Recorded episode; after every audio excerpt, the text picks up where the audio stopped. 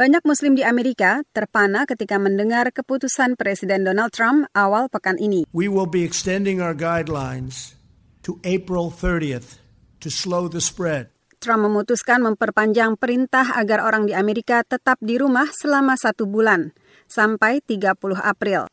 Keputusan itu diambil Trump mengingat banyaknya korban yang tertular dan meninggal akibat pandemi virus corona, sementara situasi tampaknya tidak akan lebih baik dalam waktu dekat dan Amerika mencatat korban meninggal paling banyak akibat COVID-19.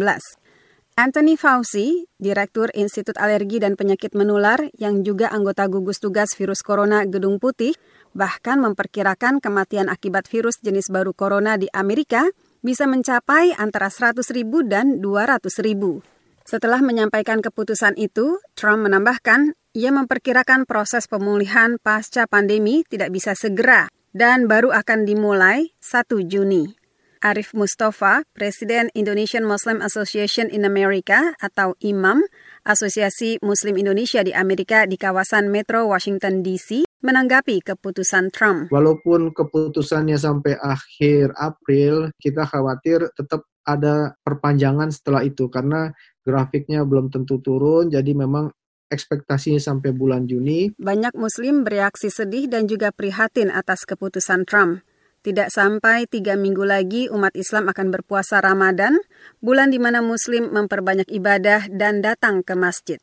Perpanjangan perintah diam di rumah berarti masjid-masjid akan tetap tutup, tidak akan ada acara berbuka puasa bersama, tidak akan ada sholat tarawih, tidak akan ada iktikaf, bahkan kemungkinan juga tidak akan ada sholat idul fitri. Walaupun begitu, Arif Mustafa tetap optimistis bisa memeriahkan Ramadan. Menurutnya, tidak ada social distancing. Anggotanya justru semakin dekat secara sosial berkat media sosial. Ia malah menyatakan ada hikmah dari apa yang terjadi karena anggota keluarga justru kumpul dan mengisi Ramadan bersama di rumah. Insya Allah kita akan memeriahkan Ramadan, ada program-program yang sudah kita siapkan. Kalau sebelumnya secara fisik kita ketemu, insya Allah kita akan menggunakan fasilitas Zoom. Justru giroh Ramadan ini nggak boleh putus, giroh Ramadan harus tetap seperti biasa kita rasakan. Ya, walaupun iftarnya mungkin kita nggak seperti biasanya, tapi insya Allah semangat Ramadannya harus tetap yang akan kita pelihara. Imam, kata Arif, sudah membentuk panitia Ramadan dan Idul Fitri. Begitu masjid dibuka lagi, mereka langsung bisa bekerja. Panitia bahkan sudah memesan tempat sholat Idul Fitri, walaupun belum mendapat kepastian karena pemerintah lokal menunggu sampai situasi atas pandemi ini menjadi lebih jelas. Sejauh ini, anggota imam mencurahkan kebingungan mereka ke Fahmi Zubir Zakaria, Imam Masjid Imam Center. Dalam ceramah virtual, Fahmi membeberkan apa yang bisa atau harus jemaah lakukan bila tidak ke masjid selama Ramadan. Sedangkan untuk Idul Fitri, Fahmi meyakinkan jemaah bahwa mereka bisa mendapat pahala sholat id karena selama beberapa tahun ini mereka selalu melakukannya. Sholat id itu sunnah. Nah, ternyata tahun ini tidak ada sholat id. Tetap kita mendapatkan pahala sholat id. Pesan serupa disampaikan Adi Susmono, tokoh muslim diaspora Indonesia di Los Angeles. Beribadah di masjid atau di rumah, pahalanya sama. Yang penting terus beribadah, cetusnya.